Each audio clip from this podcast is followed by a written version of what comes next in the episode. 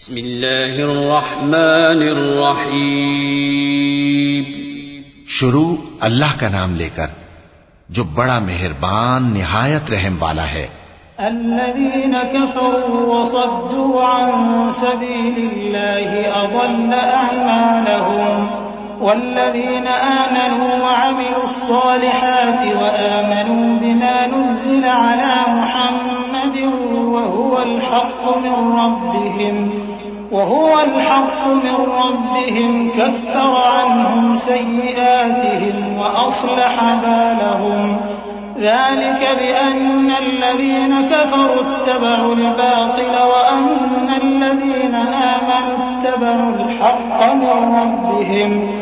كذلك يضرب الله للناس أمثالهم. جن لوگوں نے کفر کیا اور دوسروں کو اللہ کے رستے سے روکا اللہ نے ان کے اعمال برباد کر دیے۔ اور جو لوگ ایمان لائے اور نیک عمل کرتے رہے، اور جو کتاب محمد صلی اللہ علیہ وآلہ وسلم پر نازل ہوئی، اسے مانتے رہے، اور وہ ان کے پروردگار کی طرف سے برحق ہے کہ جس نے ان کے گناہ دور کر دیے اور ان کی حالت سنوار دی۔ یہ اعمال کی بربادی اور اصلاح حال اس لیے ہے کہ جن لوگوں نے کفر کیا، انہوں نے جھوٹی بات کی پیروی کی۔ اور جو ایمان لائے، وہ اپنے پروردگار کی طرف سے دین حق کے پیچھے چلے۔ اسی طرح اللہ لوگوں سے ان کے حالات بیان فرماتا ہے۔ فإذا لقيتم الذين كفروا فضرب الرقاب حتى إذا أثخنتموهم فشدوا الوثاق فإما منا بعد وإما فداء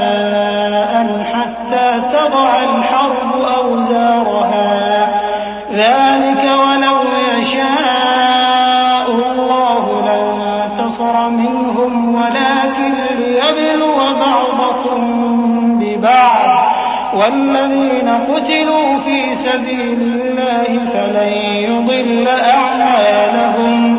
سيهديهم ويصلح بالهم ويدخلهم الجنة عرفها لهم پس جب تم کافروں سے بھیڑ جاؤ تو ان کی گردنیں اڑا دو. یہاں تک کہ جب ان کو خوب قتل کر چکو تو جو زندہ پکڑے جائیں ان کو مضبوطی سے قید کر لو۔ پھر اس کے بعد یا تو احسان رکھ کر چھوڑ دینا چاہیے یا کچھ مال لے کر یہاں تک کہ فریق مقابل لڑائی کے ہتھیار رکھ دے۔ یہ حکم یاد رکھو۔ اور اگر اللہ چاہتا تو اور طرح سے ان سے انتقام لے لیتا۔ لیکن اس نے چاہا کہ تم میں سے ایک کو دوسرے کے ساتھ ٹکرا کر آزمائے۔ اور جو لوگ اللہ کی راہ میں مارے گئے، ان کے اعمال کو وہ ہرگز ضائع نہیں کرے گا، بلکہ ان کو سیدھے رستے پر چلائے گا اور ان کی حالت درست کر دے گا۔ اور ان کو بہشت میں جس سے ان کو پہلے سے واقف کر دیا ہے، داخل کرے گا۔ يا أيها الذين آمنوا إن تنصروا الله ينصركم ويثبت أقدامكم والذين كفروا فتعسا لهم وأضل أعمالهم ذلك بأنهم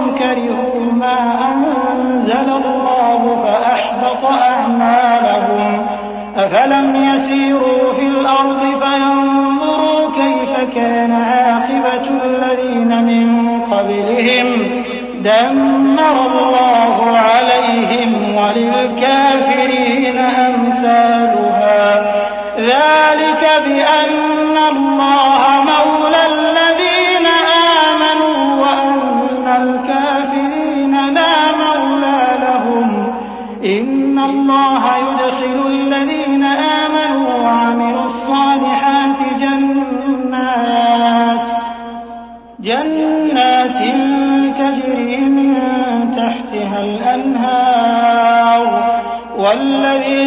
كفروا يتمتعون ويأكلون كما تأكل الأنعام والنار مثوى لهم اے اہل ایمان، اگر تم اللہ کی مدد کرو گے تو وہ بھی تمہاری مدد کرے گا اور تم کو ثابت قدم رکھے گا اور جو کافر ہیں ان کے لیے ہلاکت ہے اور اللہ ان کے اعمال کو برباد کر دے گا۔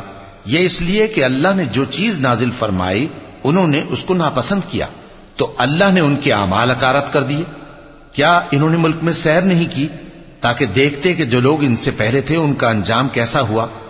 اللہ نے ان پر تباہی ڈال دی اور اسی طرح کا عذاب ان کافروں کو بھی ہوگا۔ یہ اس لیے کہ جو مومن ہیں، ان کا اللہ کارساز ہے اور کافروں کا کوئی کارساز نہیں۔ جو لوگ ایمان لائے اور عمل نیک کرتے رہے، ان کو اللہ بہشتوں میں، جن کے نیچے نہریں بہ رہی ہیں، داخل فرمائے گا۔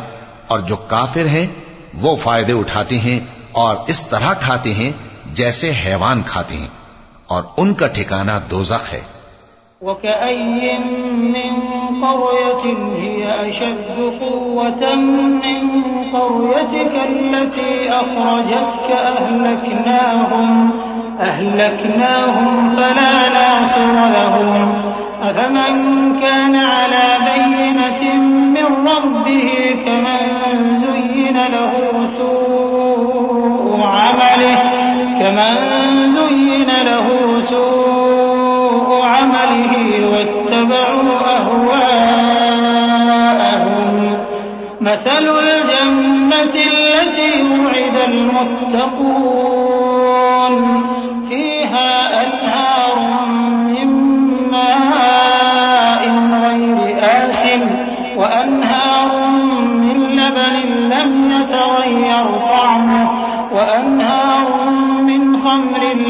لذة للشاربين وأنهار من عسل مصفى ولهم فيها من كل الثمرات ومغفرة من ربهم كمن هو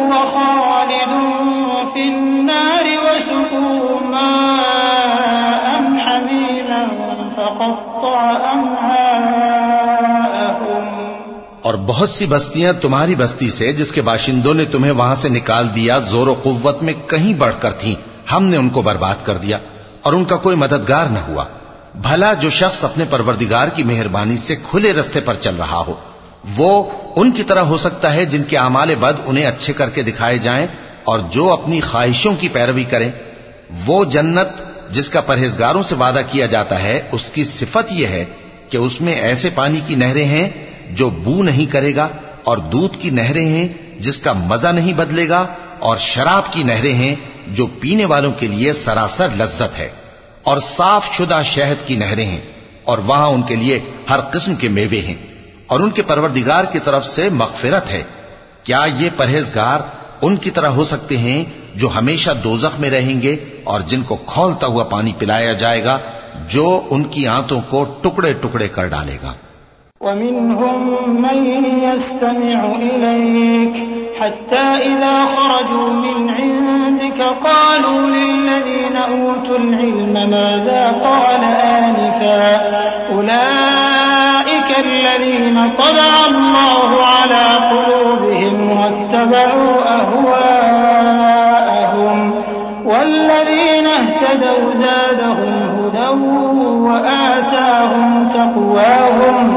فهل ينظرون إلا الساعة أن تأتيهم بغتة؟ فقد جاء أشراطها فأنى لهم إذا جاءتهم ذكراهم. فاعلم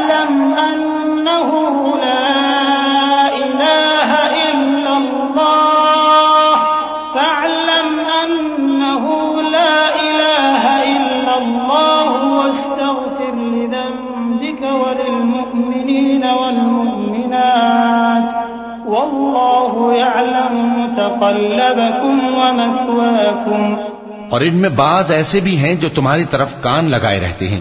یہاں تک کہ سب کچھ سنتے ہیں، لیکن جب تمہارے پاس سے نکل کر چلے جاتے ہیں، تو جن لوگوں کو علم دین دیا گیا ہے، ان سے کہتے ہیں کہ بھلا انہوں نے ابھی کیا کہا تھا؟ یہی لوگ ہیں جن کے دلوں پر اللہ نے مہر لگا رکھی ہے، اور یہ اپنی خواہشوں کے پیچھے چل رہے ہیں۔ اور جو لوگ ہدایت یافتہ ہیں، ان کو وہ مزید ہدایت بخشتا ہے اور ان کو پرہیزگاری عنایت کرتا ہے۔ اب تو یہ لوگ قیامت ہی کی راہ دیکھتے ہیں کہ ناگہاں ان پر آ واقع ہو۔ سو اس کی نشانیاں سامنے آ چکی ہیں۔ پھر جب وہ ان پر آ نازل ہوگی، اس وقت انہیں نصیحت کہاں مفید ہو سکے گی؟ بس جان رکھو کہ اللہ کے سوا کوئی معبود نہیں اور اپنے قصور کی معافی مانگو اور مومن مردوں اور مومن عورتوں کے لیے بھی۔ اور اللہ تم لوگوں کے چلنے پھرنے اور تمہارے ٹھکانے سے واقف ہے ويقول الذين آمنوا لولا نزلت سورة فإذا أنزلت سورة محكمة وذكر فيها القتال رأيت الذين في قلوبهم مرض رأيت الذين في قلوبهم مرض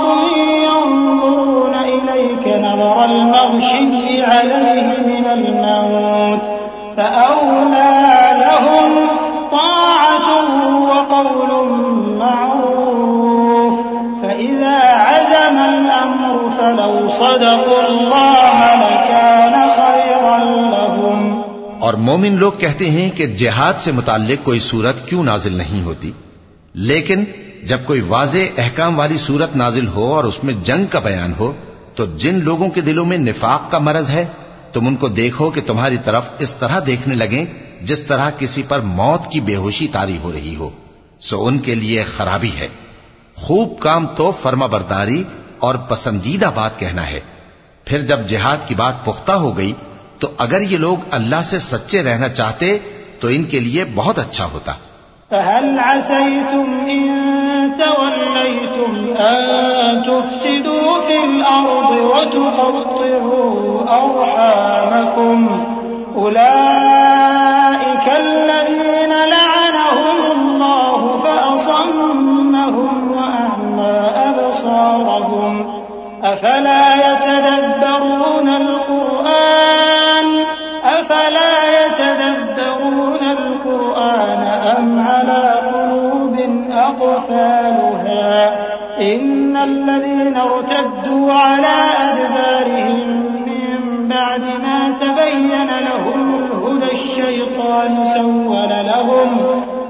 الشيطان سول لهم وأملى لهم. ذلك بأنهم قالوا للذين كرهوا ما نزل الله سنطيعكم في بعض الأمر. والله يعلم إسرارهم. سو اے منافقو، عجب نہیں کہ اگر تم حاکم ہو جاؤ تو ملک میں خرابی کرنے لگو اور اپنے رشتوں کو توڑ ڈالو۔ یہی لوگ ہیں جن پر اللہ نے لانت کی ہے اور ان کے کانوں کو بہرا اور ان کی آنکھوں کو اندھا کر دیا ہے۔ بھلا یہ لوگ قرآن میں غور نہیں کرتے یا ان کے دلوں پر قفل پڑے جو لوگ راہ ہدایت ظاہر ہونے کے بعد پیٹ پھیر گئے، شیطان نے یہ کام ان کو اچھا کر کے دکھایا اور انہیں لمبی عمر کا وعدہ دیا۔ یہ اس لیے کہ جو لوگ اللہ کی اتاری ہوئی کتاب سے بیزار ہیں، یہ ان سے کہتے ہیں کہ بعض کاموں میں ہم تمہاری بات بھی مانیں گے اور اللہ ان کے پوشیدہ مشوروں سے واقف ہے۔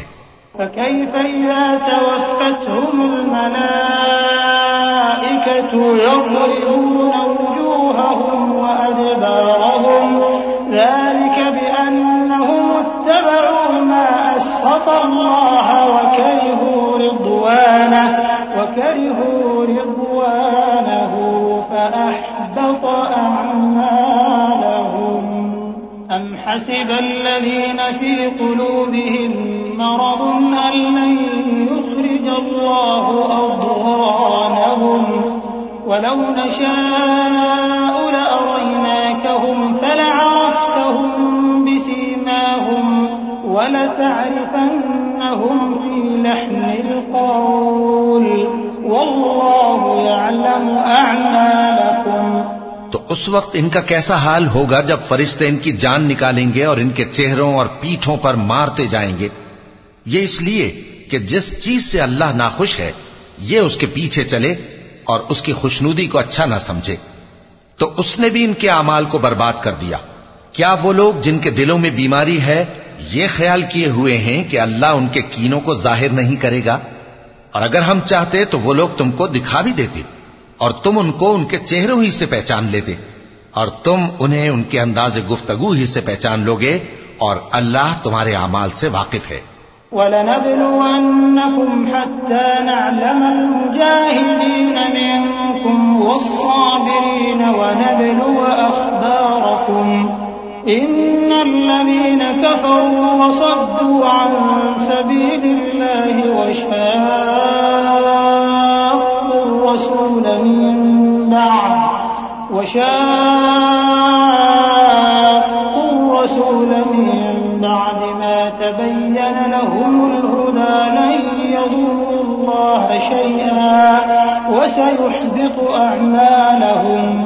يا أيها الذين آمنوا أطيعوا الله وأطيعوا الرسول ولا تبطلوا أعمالكم. إن الذين كفروا وصدوا عن سبيل الله ثم ماتوا وهم كفار ثم ماتوا وهم كفار، فلن يغفر الله لهم. اور ہم تم لوگوں کو آزمائیں گے تاکہ جو تم میں جہاد کرنے والے اور ثابت قدم رہنے والے ہیں، ان کو معلوم کریں اور تمہارے حالات جانچ لیں۔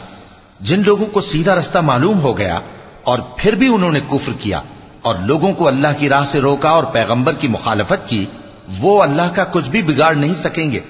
اور اللہ ان کا سب کیا کرایا اکارت کر دے گا۔ مومنو، اللہ کا حکم مانو اور پیغمبر کی فرما برداری کرو اور اپنے اعمال کو ضائع نہ کرو۔ جو لوگ کافر ہوئے اور دوسروں کو اللہ کے رستے سے روکتے رہے، پھر کافر ہی مر گئے۔ اللہ ان کو ہرگز نہیں بخشے گا۔ فلا تهنوا وتدعوا إلى السلم وأنتم الأعلون ولن يتركم أعمالكم. إنما الحياة الدنيا لعب ولهو. وإن تؤمنوا وتتقوا يؤتكم أجوركم ولا يسألكم أموالكم. إن يسألكموها فيحفكم تبخلوا ويخرج أضغانكم.